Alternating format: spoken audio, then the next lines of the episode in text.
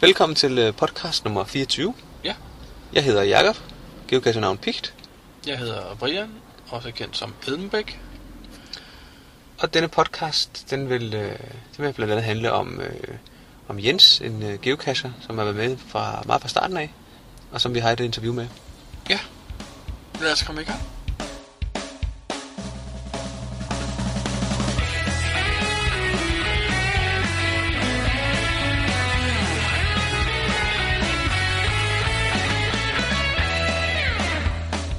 Du lytter til GeoPodcast, din kilde for alt om geocaching på dansk. Husk at besøge vores hjemmeside, www.geopodcast.dk for links og andet godt. Husk at du kan kontakte os via Skype, e-mail og Facebook. Vi vil elske at få feedback fra dig. Vi skal snakke om software. Ja. Du har fundet noget smart.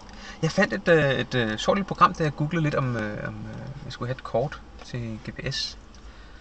Og så googlede jeg lidt, og så faldt jeg over sådan et øh, stykke software, der hedder Yawawa Ja, wow. Device Manager, øh, version 1.8. Det er noget, vi linker til, eller vil du, vil du stave navnet, så folk selv kan finde det? Jeg tror bare, vi laver det. ligger et link på, på hjemmesiden. Okay.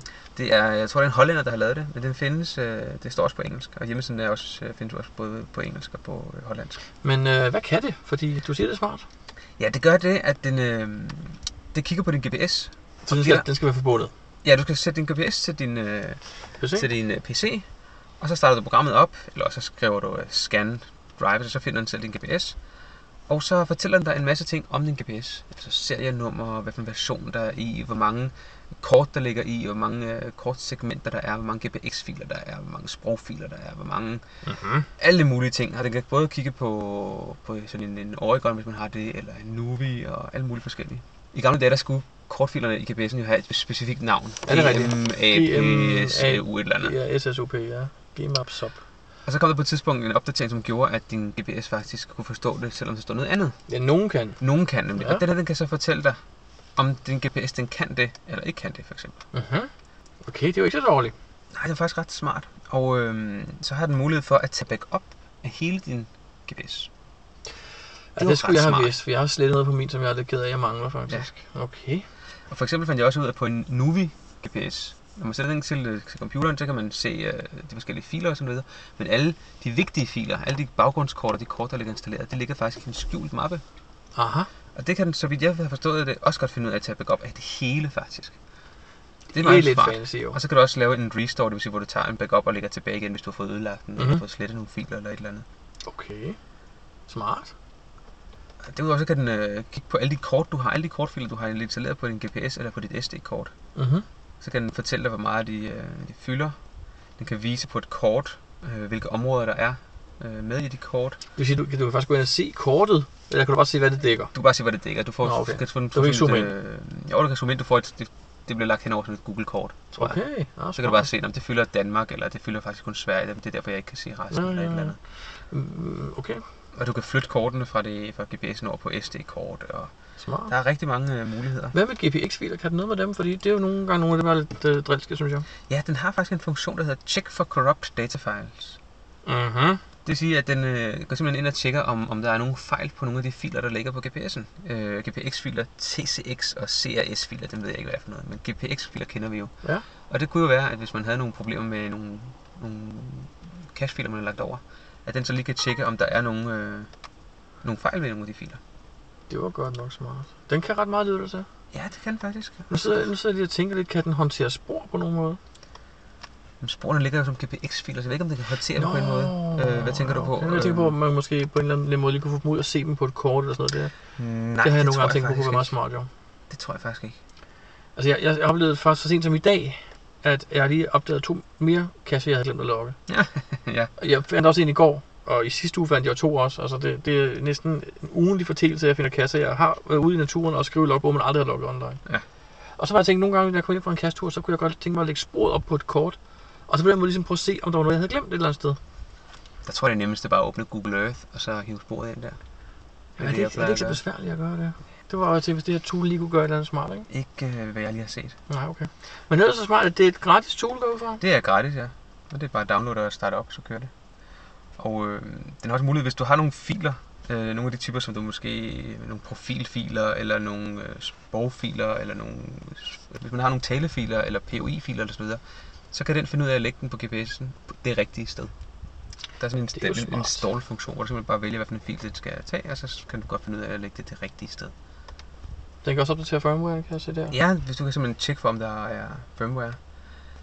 Og øh, hvis du ikke har sådan en startup tekstfil kreeret, så Ej, kan det simpelthen, øh, så står der her create, og så kan vi simpelthen kreere en fil og skrive, hvem den her ejer. Det er det, så den øh, tekst, der kommer frem, når man starter sin GPS op, hvor man kan skrive, hvem den tilhører med navn og telefonnummer. Så hvis man for eksempel glemmer det et tog, øh, så kan man bare... Så kunne det være, hvis der er nogen, der starter den op og tænker, hey, det, det er en, der har fundet Det er sgu Brians. det er Brians, jeg har en telefonnummer der, så ringer jeg til ham og fortæller, at jeg har en GPS. Det kunne være meget smart her for et par måneder siden. Ja. jeg nævner ikke navn, men det var mig. Men det, her, det er i hvert fald øh, en af de muligheder, programmet har. Mhm. Så øhm, prøv det i hvert fald, øh, om ikke andet så bare lige at se, hvad, der er, hvad det kan. Så, og, det, og det ser ikke ud til, at det er farligt, vel? Altså, man kan vel ikke ødelægge noget med det? Nej, man skal lige passe på, hvad man gør, for man kan jo godt slette nogle forskellige ting. Så man skal lige... Øh, Åh, ja, det er klart. Men det står, skriver programmet også i starten, og der kommer sådan en pæn øh, Oh, billede der viser, hvad du, kan, hvad du kan og hvad du ikke kan. Og en rigtig god idé, det er selvfølgelig altid at tage backup af sin øh, GPS, inden man begynder at, Ja. at pille ved filer, man ikke ved. Smart, smart, smart. Det linker vi til direkte, tror jeg. Ja. Geopodcast. Dansk Geopodcast. Du, Brian, ved du noget om det der øh, OpenStreetMaps? Jeg har været inde og kigge på det et par gange, og jeg ved, at man på en eller anden måde kan få lagt over på sin Garmin GPS. Jeg er bare ikke helt sikker på, hvordan man gør. Det er nemlig heller ikke. Jeg har ikke rigtig fået, fået brugt det, og der er nogen, der har spurgt om, hvordan, øh, hvordan det ledes. Og jeg tænkte på, hvis der nu var en af vores lyttere, der vidste noget om det der OpenStreetMaps, Og som havde mod på, at vi ringede til dem. Ja, og kunne, så kunne øh, han eller hun jo øh, fortælle lidt om, hvordan det, hvordan det fungerer, og Ja. guide os igennem. Jeg prøvede på et tidspunkt, for der er noget med et stykke software, hvor du kan ligesom udpege et område på kortet, og hente det ned og få det komprimeret og lagt i det rigtige format, og så over på din GPS, men jeg har ikke fået det til at virke. Jeg har også et eller andet sted, der, der er der bare sådan nogle IMG-filer direkte, du kan downloade. Det er nemlig men, rigtigt. men, men, jeg synes, der var mange sider, man kunne downloade, så jeg ved ikke, hvad for en er den rigtige, og så videre. Så jeg tror, der var, jeg, jeg havde en idé om, at der lå en stor database med alle tingene i.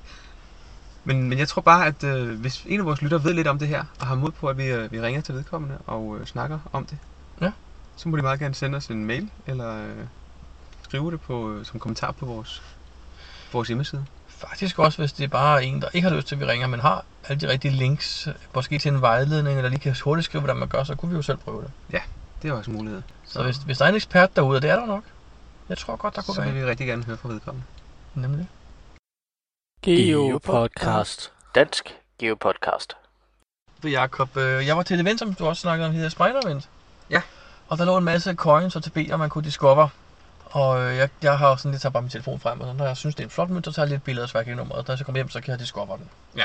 Og så, så snakkede jeg med OZ Niels jo, efter eventet. Ja. Og, og han gav mig faktisk et link til et sted, hvor man kan discover en hel masse på én gang.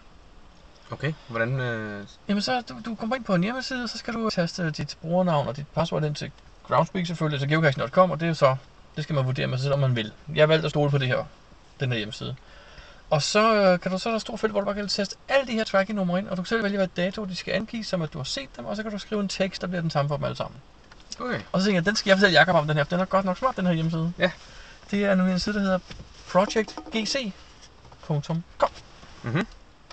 Og øh, du mig, at du skulle fortælle mig om en hjemmeside, du havde fundet. Ja, jeg var, øh, jeg kan ikke huske, hvad jeg googlede eller hvad jeg kiggede på. Jeg var søgt på et eller andet noget geocaching, og der var der noget med den her øh, hjemmeside Project GC. Ja. Øh, hjemmeside. Det var noget statistikside.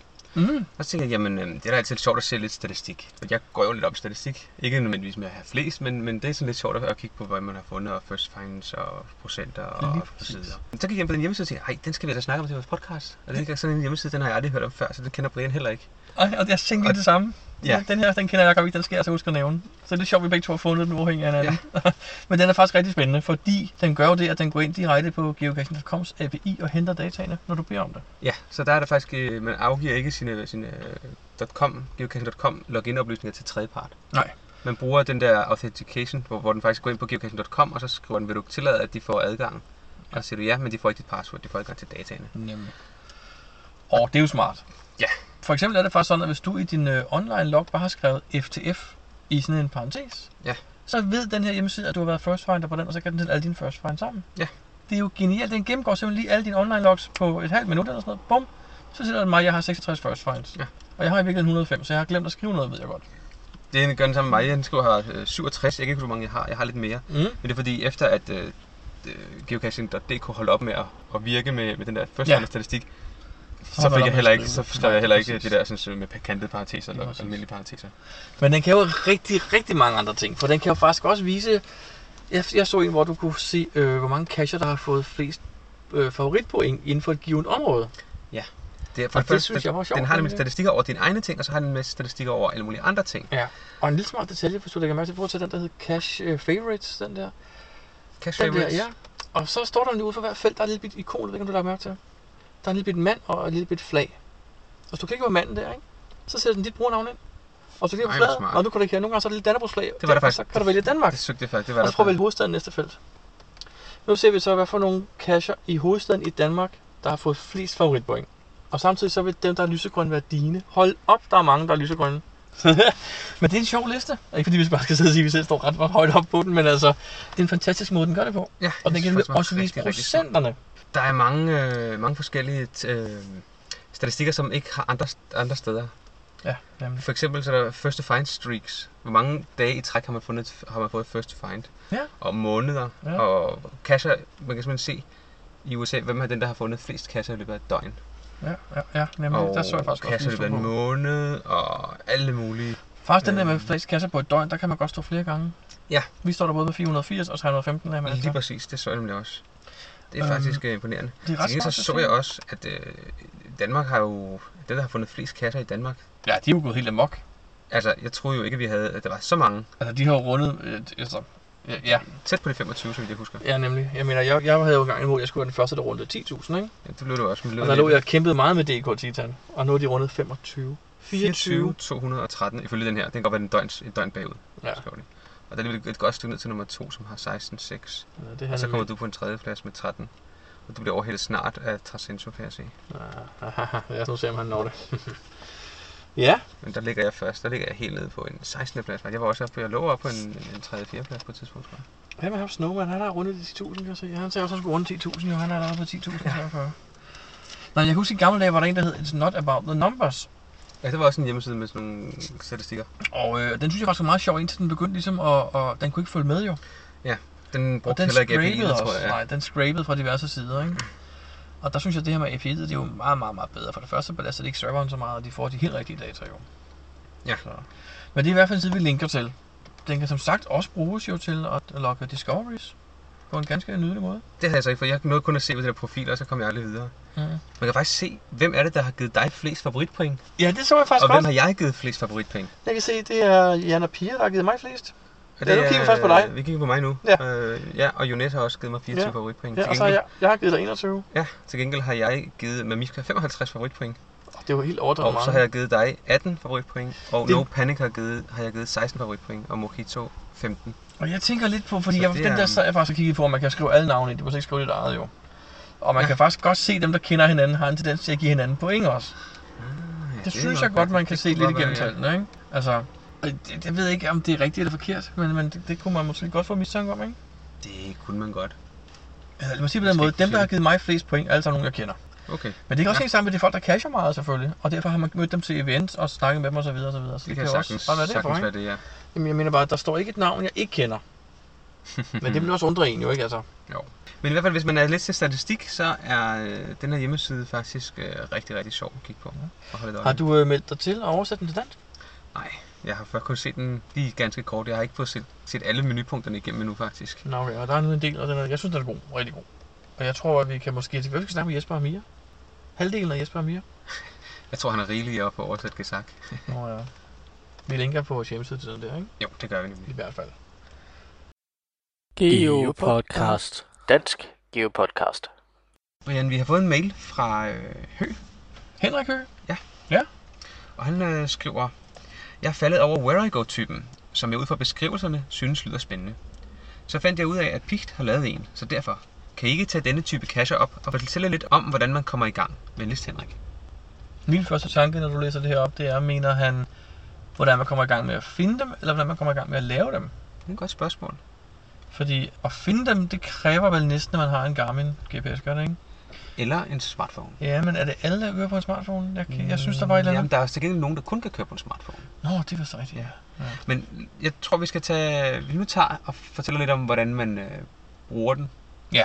Og det med at lave den, det er lidt mere kompliceret, så det må vi lige tage på et andet tidspunkt. Ja, ja, det er meget kompliceret. Hvad er en uh, Where I Go, Brian? Jamen, det er jo, en- nu kommer der sjovt over, det er en cartridge. Det er jo et, en, det er jo et, et spil, man programmerer, og, og som man så efter kan lægge ind i sin GPS og afspille faktisk. Ikke? Et Ja. ja. form for multimediespil, for den kan, både, den kan ikke lave lyde, men den kan vise billeder, og den kan give dig spørgsmål og forskellige valgmuligheder, og du kan få... Der, der, den kan jo rigtig mange ting, altså. Ja, den kan faktisk godt lave den. Kan den også? Ja, Ja, den er kan ikke men du kan ikke stemmer på. Sådan, Nej, nej, du kan kan ikke, nej. den Du slags, laver sådan nogle små bip, bip, ja. Men, øh, men det er jo bare en form for interaktivt spil, ikke? Jo, du, fordi har, du har lavet et par gode, ved jeg. Et par rigtig gode. Ja, jeg har lavet nogle stykker i hvert fald. Men de gode, ja. De har Og den der med, kender du København, er ikke det, den hedder?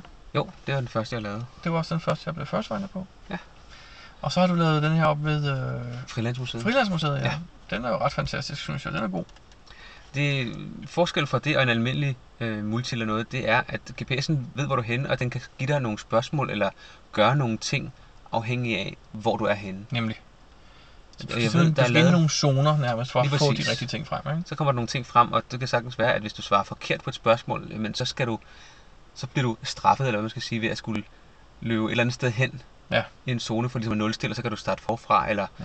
der er også en ude i, i, i, i, Ja, Harskoven, race tror jeg. challenge eller sådan noget. lignende. Ja, Harskoven er der en, hvor du skal svare rigtigt, og svarer du forkert, så skal du op på bakken, tror jeg, for at få lov til at fortsætte. Ja, Og så er der en i dyrehaven, hvor man skal nå en rute rundt på tid. på tid på cykel. Ja.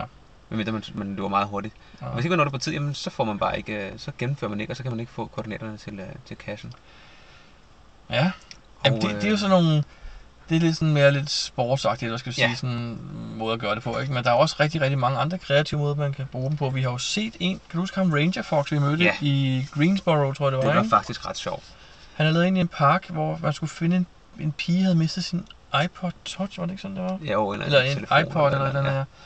Og, og, og, så havde du fundet den her iPod i parken, skulle du finde pigen, og hun gik rundt på stierne, så hun var aldrig det samme sted. Nej, Hun bevægede sig rundt, så man skulle rende rundt og finde hende. Det var, det var meget, godt meget, lavet. godt lavet. Desværre så crashede alle vores GPS'er og telefoner og det hele på en gang. Ja, de er ikke helt så, øhm, De er ikke så stabile. de er ikke så stabile, øh, de der Where I Goes. I hvert fald ikke på, på Garmin-enhederne. Og det findes på, det findes ikke på alle Garmin-enheder. Det findes på Oregonen og på Coloradoen. Jeg kan huske, om det er også et par andre, der også har den. Montaneren har det for eksempel ikke. Nej, jeg, jeg mener tror, heller ikke, at de små, hvad de hedder, de små nye. Dakotaerne har det vist heller ikke, vel? Nej, Jo, men, Er det 10'eren har det ikke, men 20'eren har det? Er det sådan, øh? Jeg kan ikke huske Det kan jeg heller ikke huske nu. Men e-trixerne mener jeg heller ikke har det. Nej, Det er altså det er ved at blive udfaset, ser det ud til, ikke? Det kommer Ja, ikke på de nye modeller. Desværre lidt. Jeg tror, der skete et eller andet mellem Garmin og Groundspeak. Og det er så ikke Det taget tror jeg med. også, der gjorde. Til gengæld så er der kommet nogle apps, både til iPhone og til øh, Android, hvor man kan afspille dem. Ja. Der er så nogle af dem, der ikke virker på smartphones. Til gengæld ved jeg, at der er nogle kommet nogle op i Aalborg, som kun virker på iPhones. Som ikke Nå. virker med en Garmin-enhed, faktisk. Kan du huske, at vi fandt ned i Sønderjylland et sted? Det var Voller i 36 fra. Ja, vi fandt den øh, det var ikke midt, så- det var omkring Aarhus. Vi fandt den i Aarhus, ja. det er rigtigt, ja. Men, Men han Voller kommer fra Sønderjylland, Ja. og han har vist lavet nogle ret gode, nogle ret gode goes. Den her, vi fandt, det var noget med til et event. Det var noget med GPS-TV, den hedder, ikke? Jo, man skulle gå rundt, og så fik man nogle spørgsmål. Ja. Og så skulle man gøre lidt forskellige afhængig af, hvor man svarede det ene eller det andet. Ja, det var sjovt. Og vi havde faktisk øh, to-tre med, og vi fik ikke de samme spørgsmål. Fordi Nej, der vi var også, der var også en, en Der var noget, ja, det var det Det var sjovt. ret godt lavet. Jeg husker dig og... Var det Simon? Mojito, ja. I fik det samme spørgsmål, jeg fik et helt andet spørgsmål, Ja. men jeg gik bare sammen med jer, for jeg var alligevel lidt... Jeg var bange for at gå alene. Ja. Over det mørke. Lige præcis. Uh, men det var faktisk rigtig sjovt, og man, man, det, det er en meget kreativ måde at gøre det på. Uh, vi har også fundet nogle i udlandet, ved jeg, forskellige steder. Ja. I Tyskland fandt vi noget i Køln, og vi har også fundet en Where Go i, øh, i Washington. Ja, og. USA generelt også. Ja. Men måden man gør det på sådan generelt, det er, at man går ind på, øh, på whereigo.com. Typisk er der et link fra kassesiden til whereigo.com, øh, siden hvor den der cartridge, som det hedder, den ligger. Og øh, man skal logge på den side, og det er det samme brugernavn og, og password, som der er på geocaching.com. Og så vælger man simpelthen den, vi skal have downloadet, den der cartridge, som den hedder. Og øh, så vælger man, hvad for en øh, GPS eller smartphone man har. Jeg tror, der er tre valgmuligheder. Og så downloader man den, og så lægger man i den mappe på sin GPS, der hedder Where I Go. Mm-hmm. Og så dukker de op i Where I Go-menuen. Når man klikker på Where I Go i øh, GPS'en, så dukker den op. Og så er det bare at følge instruktionerne. En rigtig god idé, det er en gang imellem at gå ud af cartridgen, eller gå ud af Where I Go'en, og så sige ja til at gemme. Ja, Og ja. så gå ind igen. Ja. Fordi det gør så, at hvis den crasher undervejs, så kan man bare starte igen, og så bare fortsætte derfra, hvor man kom. Hvis ikke man har gemt det, så skal man starte forfra. Og det er lidt ærgerligt. Jeg tror faktisk, det er bare min mening. Jeg tror, en af grundene til, at det ikke er blevet så populært igen, er, at det crasher. Ja, det er muligt, ja. Jeg synes, det var irriterende. Ja. Ja. vi har flere gange oplevet, som sagt, øh, den her i parken over i Greensboro, der var det min, der crashede først, og så står man ligesom der bare helt på, Ja. på spanden, ikke? Din crashede så også, og vores Ja, ja, smartphone ja. crashede også, og vi måtte ende med at ringe til ham og få noget hjælp og sådan noget, kan jeg huske. Ja. Kan du huske, hvad var det, han hed? Han hed Ranger Fox. Han fortalte noget meget sjovt, at der faktisk var mere processorkraft i en Colorado, Colorado var faktisk bedre til at lave Waragos Ja. ja. end Dakotaerne. Eller eller en Oregon. Oregon, ja. Ja. Det var lidt sjovt egentlig. Men han var også, er du galt, han var ekspert jo. Han var meget nørdet i, i det. Han vidste en masse om det. Han vidste alt om det. Han har lavet, han har lavet nogle Waragos, som kunne fortælle mere om, hvad de andre Waragos kunne, eller sådan, så han vidste, hvor meget øh, hukommelse og alt muligt mærkeligt. Han var meget, meget nørdet. Han har lavet en debug mode i dem også, Ja, ja, så, så han kunne gå ind og se, hvad der skete. noget. Men, men øhm, Så er der også nogle unlock, unlock codes og sådan noget, Brian. Ved Ja, om det, jamen det synes jeg er noget mærkeligt, fordi det kom frem, synes jeg, det var meget smart, at man kan ende den med, når man har løst opgaven, får du en kode, du kan taste ind på whereago.com, og så har du ligesom på den måde confirmed, at du har gennemført. Ja. Men det virker jo ikke. Eller jeg mener, det er jo ikke tvunget, at du gør det. Nej, det er det ikke, men du kan ikke... Alternativet er, at når du så har gennemført Waragoen, så kan du gemme den der cartridge, og så skal du gå ud, og så kan du uploade den fil, du har, at, øh, der viser, at du har gennemført. Den ligger også på, på Ja, det er rigtigt. .com. Det er rigtigt. Og på den måde kan du også bekræfte, at du har gennemført den. Men mange skriver bare en note om, at de har gennemført den, og i og med, at de har fundet cachen, så er det det. Ja, for jeg mener, der er ikke noget krav, du skal uploade, eller du skal bruge koden. Og så troede jeg faktisk ikke engang, jeg så, at der var sådan en bekræftelseskode, at den faktisk genererede en ny kode hver gang.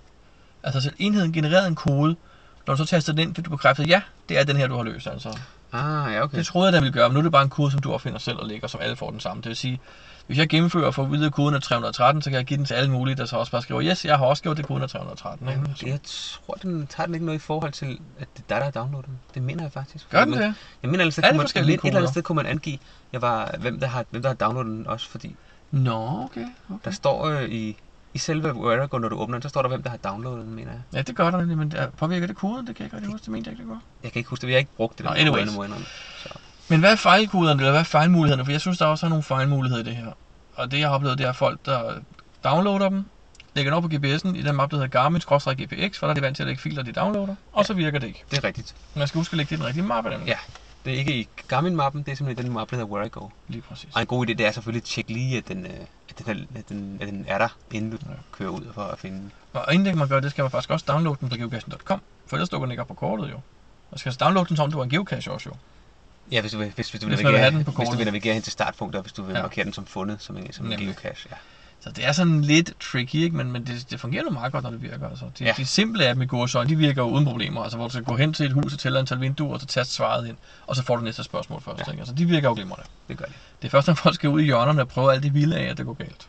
Ja, det er det, det begynder at blive lidt, øh, Ustabilt. det begynder at blive lidt ustabilt lige præcis. Så. Men dem, der findes, øh, dem, de kan sådan generelt set anbefales. Nu har jeg ikke fulgt så meget med i det, men jeg synes, jeg kan huske noget med, at der kom nogle instruktioner, nogle videoer fra, var det vold, og hvordan man lavede dem? Der kom sådan nogle in, in, Ja. intro-videoer eller sådan noget. Garmin havde jo øh, lavet en, en builder, altså en, man kunne lave where, where I goes med, og den var ret, ret ustabil og ret dårlig og ret svær at bruge. Og på et tidspunkt kom der så et andet program, som en eller anden havde lavet, jeg kan ikke huske. Og der kom der så nogle, nogle instruktionsvideoer, som Vold har lavet, Mm-hmm. som øh, var ret nemme. Nu er vi så godt nok over i, hvordan man laver dem.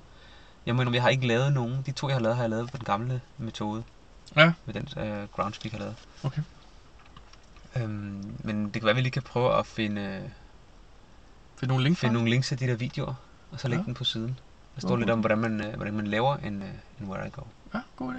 Og en rigtig god idé, når man har lavet en Where I Go, det er lige at give den til en af ens venner, der lige kan teste den. Ja. Man selv har lavet den, så ved man præcis, hvad man skal gøre og hvad man skal taste. Men det kan være, at man som uvidende måske lige taster noget andet, og så er det meget rart lige at se, hvad der sker. Jeg kan huske, at vi på et tidspunkt stod i et eller andet land og skulle svare på nogle spørgsmål, og, og spørgsmålet stod på den øverste del af skærmen, og så stod der to eller tre svarmuligheder nederst.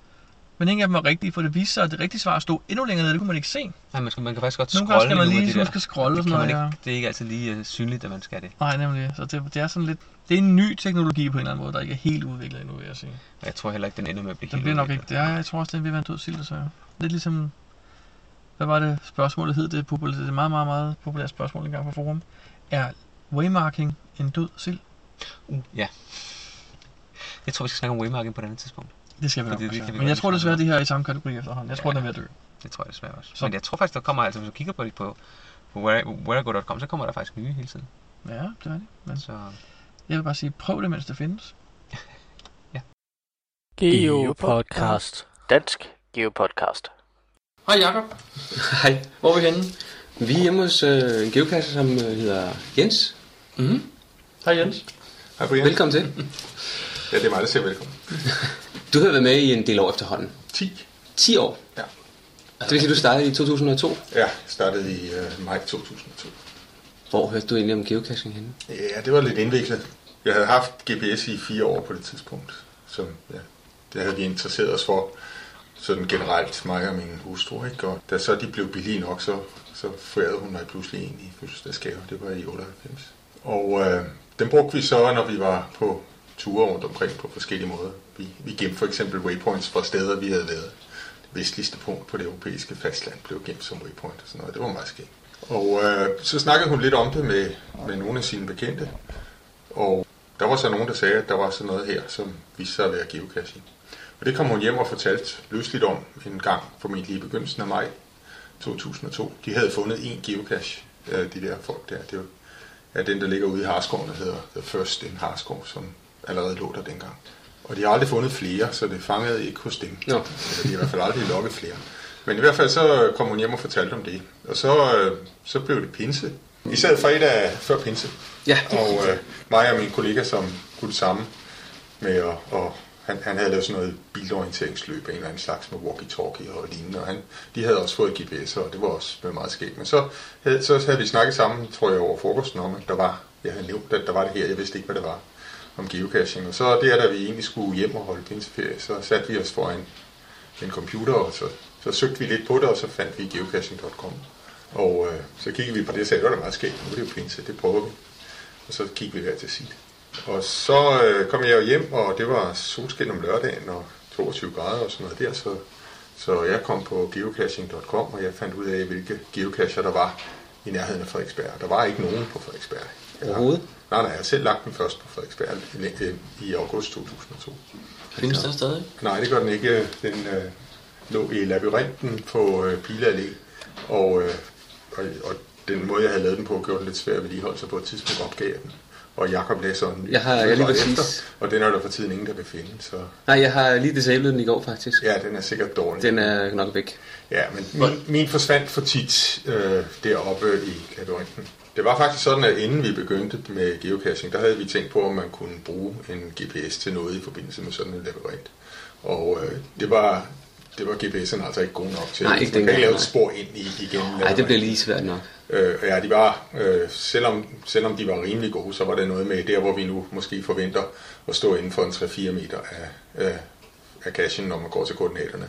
Så dengang, der forventede man at stå inden for nu 10 meter. Ja. Og det kan man faktisk se, øh, når jeg tager ud og geocacher sammen med, med Bodil.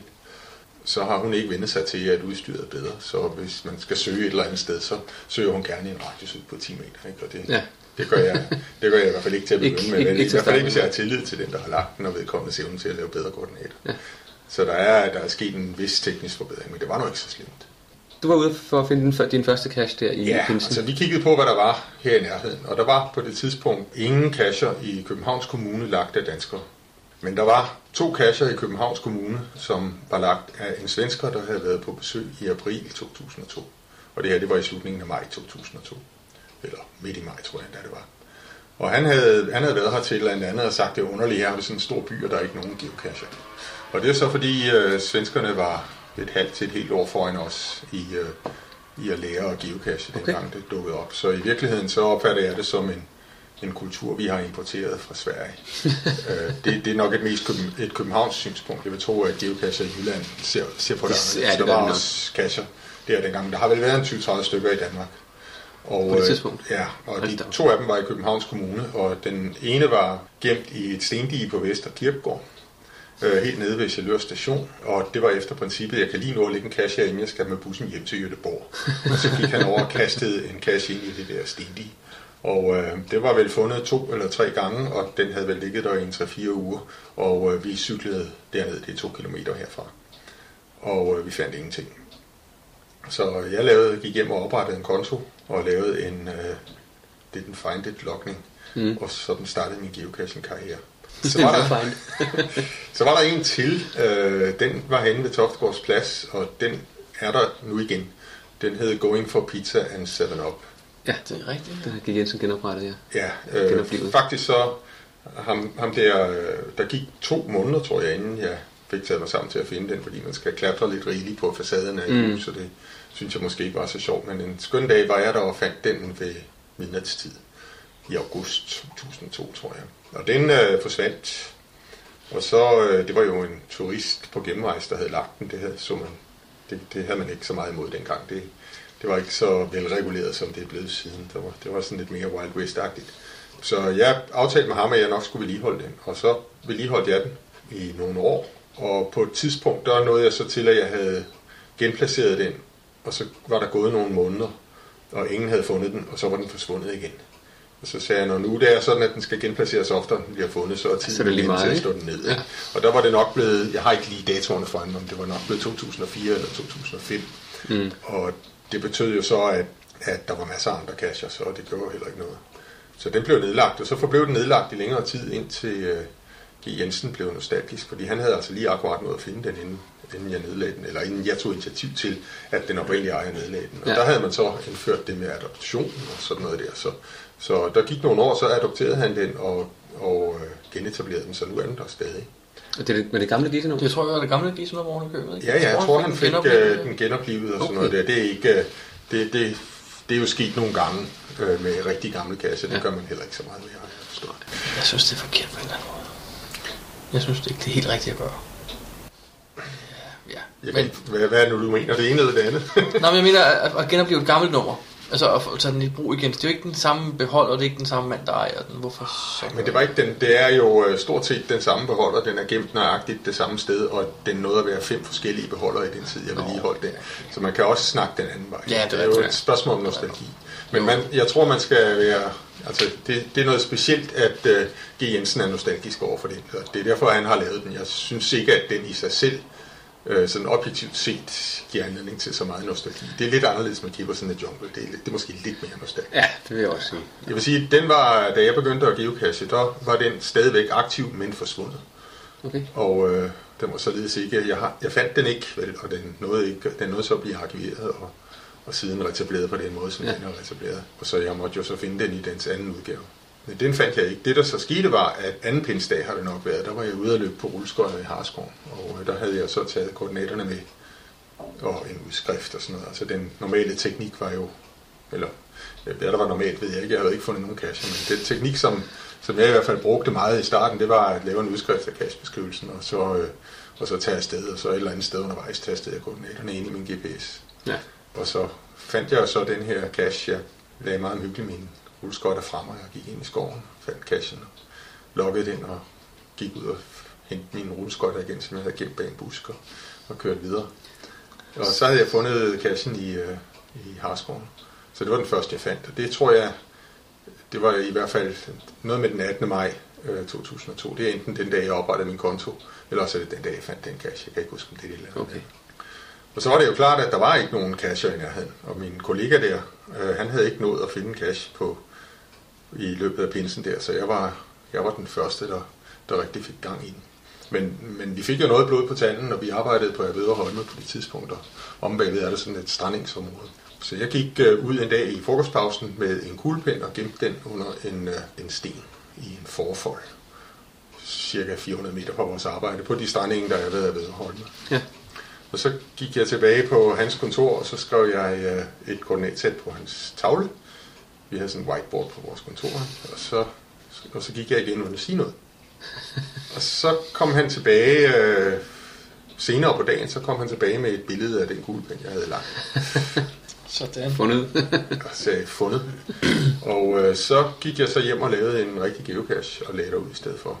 På det tidspunkt, der havde jeg vel så fundet to eller måske fire, det kan jeg ikke helt huske. Jeg ved, at, at den første jeg fandt var i Harskoven, og så var jeg på forretningsrejse i England ugen efter pinse. Og der fandt jeg en cash i Reading, som lå 500 meter fra det kontor, jeg besøgte der. Så det var den anden, jeg fandt. Og så var vi på nattergaletur den efterfølgende weekend, der fandt jeg så den tredje og den fjerde, og det var i Skåne. Altså der var vi over var meget, jeg synes, der er lidt meget uden for forskellige lande. Ja. Jo, men det var, der var jo ikke, øh, altså det var en international kultur, som vi importerede. Så den Ja. opfattede vi. Så, så var der en hel masse af mine øh, venner, som, øh, som hørte om det her. Så Krumlin for eksempel, øh, der var vi på en hyttetur, eller en ødegårdstur i Sverige i begyndelsen af juni. Det har nok været cirka den 9. juni, så det, der er stadigvæk kun gået tre uger. Der, der øh, havde jeg så taget med en udskrift af, hvad der var af cacher i nærheden. Der var så en inden for 15 km. Og den øh, var vi så nogen, der kørte ud for at finde. Og øh, derved så startede Grumlins karriere som geocacher. Okay. Nej, det. Det, har altså lært af mig, ikke? og det var tre uger efter, jeg var begyndt, så, så jeg har ancieniteten, men det er så. Ja. men øh, min cache der, den ligger der endnu, og hedder Beyond Onus. Ja. Og den hedder sådan, fordi der er en planetsti, som Kommune har anlagt, og man henvender sig først ved Uranus, og så, så finder man der kun slutkoordinaterne. Det er sådan en simpel offset cache. Ja. Det var det ikke i starten, der var det de direkte koordinater, og så lå den i en forfold. Og der var, der var nogle fine billeder fra starten af folk, der har snakket med forerne for at finde den og sådan noget der. Okay. Og strandingene bliver afgræsset for, at de ikke skal gå til i tørn, så det er sådan set fint nok. Men den forsvandt alligevel trods alt, og så flyttede jeg den uden for forfolden og gemte den et andet sted, lige i nærheden, så jeg flyttede den måske 30 meter eller sådan noget. Okay. Og det andet sted, den lå, det var så meget, meget fint. Så kom der en del oversvømmelser i Hvidovre Kommune, og så fandt de ud af, at de skulle have en ny regnledning, øh, som rigtig kunne tage regnvand fra, fra nogle af de lavt liggende områder i nærheden af Hvidovre Havn. Og øh, så kom der nogle store entreprenørmaskiner og gravede sådan en, en to meter diameter kloakledning ned. Og øh, de skulle flytte noget jord, og det jord, det lagde de så oven på min cash. Så var jeg nødt til at flytte den igen. Og det var på det tidspunkt, tror jeg, muligvis har jeg flyttet den en gang til, men, øh, men på det tidspunkt, der besluttede jeg, at nu kunne den så passende også, udover over Hede Beyond nu, så kunne den også have en, et startpunkt derovre. Så skiftede jeg den ud fra traditionel til øh, multi. Og det gjorde jeg bare ved at gå ind og ændre typen på cashbeskrivelsen, fordi det kunne man godt dengang. Ja. Så det gav anledning til en masse debat på forumet, for, hvor jeg blev beskyldt for, i stedet for at nedlægge den og lave en ny, så var det fordi, jeg var interesseret i at få så mange fund som muligt, så jeg kunne føre i en eller anden statistik over, hvor mange fund man havde på sin cash. Hold da op. Okay. Det argument har jeg ikke hørt i mange, mange år. Nej. At, at man gør noget særligt for at få mange fund på sin cash, på sine casher. Men øh, Okay. sådan var det i hvert fald. Sjov diskussion, ja. Ja, ja, der var sådan en diskussion. Den bagtanke kan jeg da røbe her, den havde jeg ikke. Jeg synes bare, den ville være sjovere, hvis den var sådan, og jeg synes, det var den samme cash. Men, men øh, det kan man jo altid diskutere om det er. Nu om dage øh, er det jo blevet sådan, at, at folk synes, det er en god idé at nedlægge en cash og lægge en ny i nærheden, fordi så kan man besøge stedet en gang til at få endnu et fund. Så der er fokus Ja. ja. i den modsatte retning, kan man ja. sige. Eller man, bare statistikkerne, hvis man har x antal øh, multier eller ikke multier og ting og sager. Ja. Der er nogle challenges, der, der gør, at man kun må have fundet x antal multier eller et eller andet. I hvert fald så øh, den sure kalkun, som er en lokal geocacher her omkring, han, han var ude, han, han rydder for tiden op i, i den del af landet, hvor Beyond Uranus ligger. Han var derude for nylig og forklarede mig, at øh, det sted, hvor, hvor min, øh, min lille beholder, det er sådan en lille bitte kontaktlinsebeholder, som jeg har fået en kollega engang. Den samme kontaktlinsebeholder har vist været der i syv år. Den ligger der med en, en lille sæd med koordinaterne i. Den har i lang tid siddet i en øh, tjørn, som... Øh, aha, der var et hint til jer, der skal ud og lede efter dem. øh, den har siddet i en tjørn, som, som er mere eller mindre ved at gå ud. Og øh, han sagde, at den gren, som den sad i, var nu faldet af. Så jeg skal på vedligeholdelsesbesøg og overveje, hvad jeg vil gøre. Jeg har på et tidspunkt haft, haft det der hylster siddende øh, langs pælen, der hvor selve Uranus er. Den er, den er på størrelse med en lille appelsin. Øh, den model af Uranus, der er Ja. på planetstien, og den står på en 1 meter høj pæl. Og der har jeg haft den siddende i, øh, nede langs med pælen, så den simpelthen skulle henvende sig på Uranus. Okay. Men øh, den, den forsvandt. Det var ikke så godt. I John kan lidt- den sidde i overvis. Ja, den er lidt for udsat. Ja, der er også et skilt, øh, sådan en planetstiskilt med et halvtag ovenover. Og halvtaget er sådan indrettet, at der kunne man også godt gemme den. Man kan da lave, øh, man kan da gemme den temmelig finurligt. Man kan lave et, et hul til en bison og sætte den der, og så sætte bisonen ind i hullet Ja. eller sådan noget der. Det, er, der- det ved jeg, det er der, det er der nogen, der har perfektioneret her i landet. Der er nogen, der har introduceret det, det er vist Brian. Det er i hvert fald Ja, den det første, jeg jeg, fandt af den slags fra Brians. Det Ja, men jeg. jeg, så det til et mega event i USA. Jeg synes, det var, det var sjovt at bruge 100 i ting lige pludselig. Så Ja, ja. det har Det er jeg gjort. rigtigt. Det er for- mega... Det er så den teknik med, at man bruger et hul, hvor der kan sidde en bison, og så øh, skruer man en skrue ind i hullet, så Ja, så man man magnet magnetisk fast på en. bagsiden af bison. Men øh, det, jeg har set nogle stykker af dem. Øh, der kom en ny her øh, i øh, tidligere i år, også ude i det område, hvor du oprindeligt har arbejdet. Nå, Efter samme princip. Så du skylder sådan en, hvis du sidder der og siger, at du ikke kender den. nå, det må jeg lige kigge på, jo. Men der er jo et knep, som man kan bruge, hvis man skal finde noget magnetisk i nærheden af sådan noget træværk der. Øh, De fleste geocacher har et kompas på sig. Åh oh, ja, det er faktisk rigtigt. Ja. Og øh, det er jo et magnetisk kompas, selvom det er elektronisk. Så ja. hvis man holder magnet hen i nærheden af det, så drejer kompasset. Og hvis man øh, vil afsøge sådan et noget træværk for, om der sidder en skjult magnet inde i det, så kan man bare tage sin GPS og køre den langs med træværket. Når man kommer forbi magneten, så drejer kompasset. Det er rigtigt. Så, Det havde jeg slet ikke tænkt på, det var da smart. nej, det tager kun et øjeblik, når man først ved, at man søger efter sådan noget der. Jamen det er rigtigt, fordi jeg- jeg står nogle gange med hænderne op under et eller andet rækværk Ja. og tænker, oh, bare nu ikke får en splint i fingeren, mens man sådan kører fingrene henad. Ja, man finder jo den ikke engang med fingrene. Der, altid, der var en nede ved Damusøen en gang, som muligvis er der endnu. Ja. Øh, den, øh, den er faktisk meget vanskelig, og den fik jeg først fat i, da jeg kørte rundt med et spejl. Og Okay. jeg plejer at have et lommespejl med, Mm. er ude og geocache. ikke? Så holdt jeg spejlet på en sådan måde, at jeg kunne se rundt om hjørnet med det. Så fik jeg så øje på den. Ja. Der havde jeg luret, at det måske nok var den idé. Mm. Der sker jo generelt det, at sådan nogle idéer, som folk har til geocacher, de bliver samlet op af andre, og så bliver de typisk modificeret en lille smule. Altså, generelt er der tale om en kultur, der bliver spredt efter, ved at vi kopierer, hvad hinanden gør. Men, men, Jeg må bare sige spoiler, cache, øh, spoiler picture ideen for eksempel. Den er også blevet spredt en del. Den er også Så meget, så folk er begyndt at hade den jo. Ja. Ja, der, der er meget skæg idé, eller meget skæg historie om det med spoilerbillederne. Altså første gang jeg for alvor så dem i funktion, det var i forbindelse med, med øh, et vist event i Glostrup, hvor ja. Det, var det, det, tror jeg, det var det, det blev introduceret til Danmark, tror jeg. Ja, nej, det er ikke Er det ikke helt det? rigtigt. Okay. Jeg tror, der var ude i Fursø, var der vist nok en i forvejen, hvor, der, Okay. hvor nogen havde lavet et billede af et træ og sagt spoiler til det eller sådan noget. Men, det er øh, men det der systematiske, nu, her, se nu her, nu laver vi en, en serie spoilerbilleder af en eller anden slags. Øh, Jeg så det først i, i fuld flor i forbindelse med dem der. Så Ja. tænkte jeg, at det, er, det kan jeg gøre bedre. Fordi, og det, det var fordi, øh, med alle mulige respekt for dem naturligvis, ikke? at øh, dem som de spoilerkasser, som Brian havde lavet, det mange af dem var bare triviale, ikke? Øh, efter princippet her, parkeringsplads ved Søndervangsskolen, eller hvad der var, der stod. Ikke? Så ja. hvis man så går hen ved Søndervangsskolens parkeringsplads, så står der nok det skilt, man leder efter. Det, var ikke, det er der ikke så specielt meget. Der var en enkelt, der var et gavlkunstværk, Det er rigtigt, ja. som man ikke bare sådan lige kunne finde, og, og som jeg tilfældigvis fandt, fordi jeg skulle rundt i Klostrup og finde 100 kasser, og så på et eller andet tidspunkt, jeg havde kigget på alle billederne, Kommer forbi dem jo. så kom jeg, ja, nogle af dem kommer man forbi og siger, nå ja, der var den. Og øh, så var det, jeg tænkte, at øh, det kunne laves bedre, eller jeg kunne bruge ideen og, og, og lave den om til noget andet. Så jeg lavede en serie, der hed Frederiksberg-billeder på det tidspunkt. Og de blev lavet efter princippet, at det skulle decideret være noget, der var interessant at se på Frederiksberg. Ja.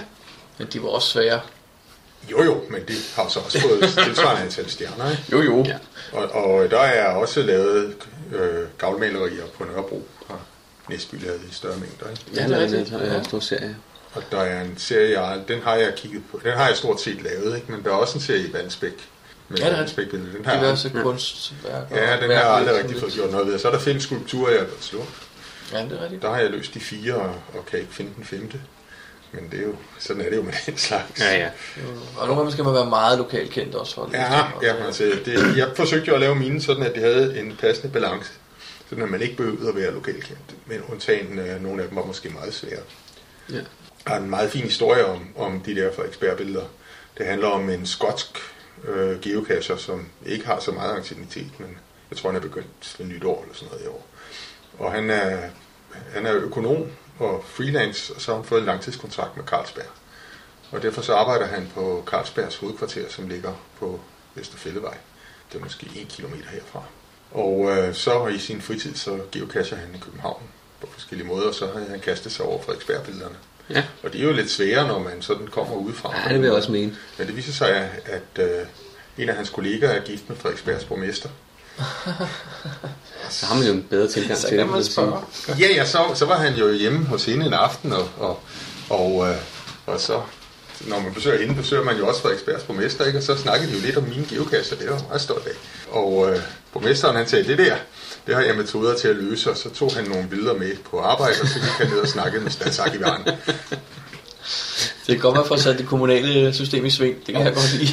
Og, og øh, det synes jeg var meget skægt at høre. Så skete der det, efter jeg havde hørt om det en dag, så, så gik jeg en tur, og jeg kom over Frederiksberg Ovendel. Og der var et øh, løb, som kommunen og Dansk Cyklistforbund og sådan noget havde lavet sådan et cykelløb for børn på Frederiksberg.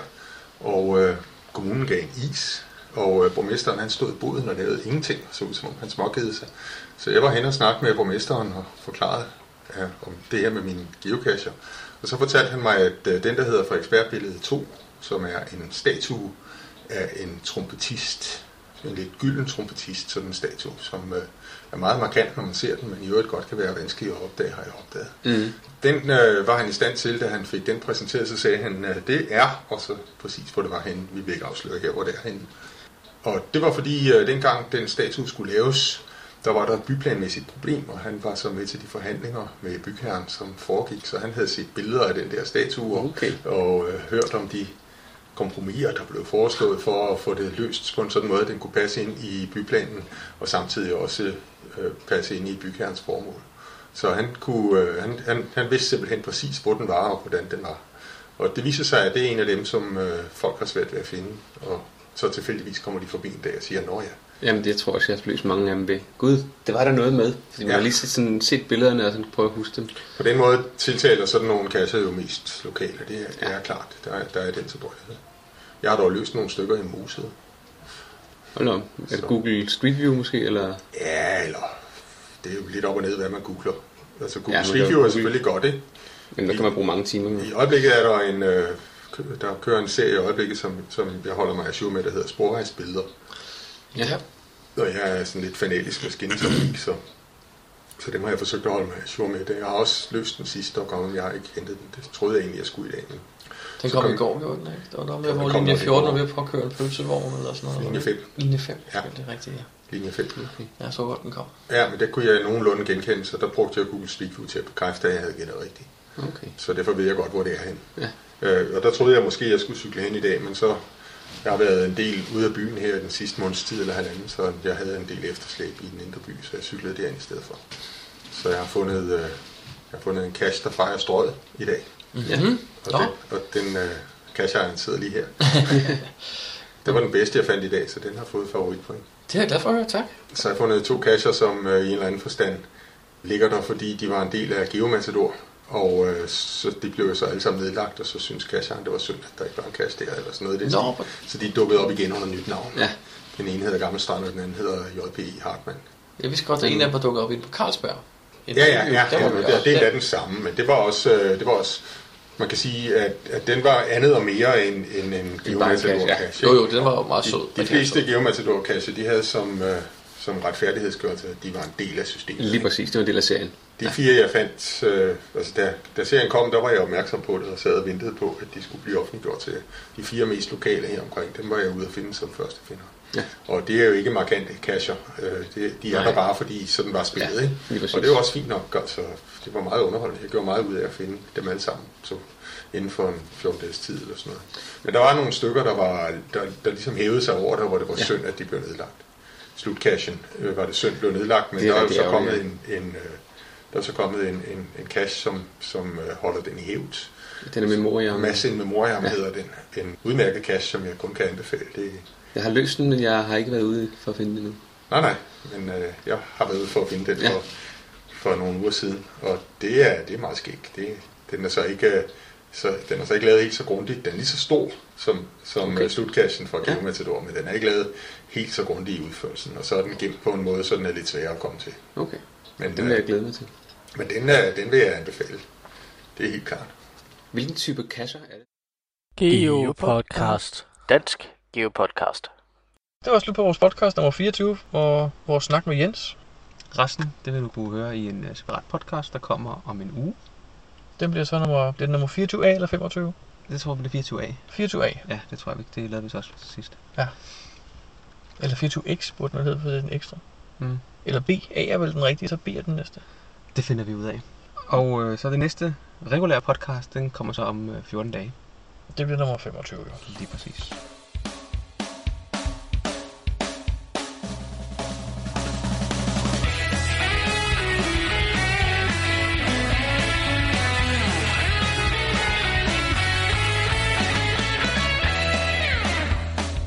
Du lytter til GeoPodcast, din kilde for alt om geocaching på dansk.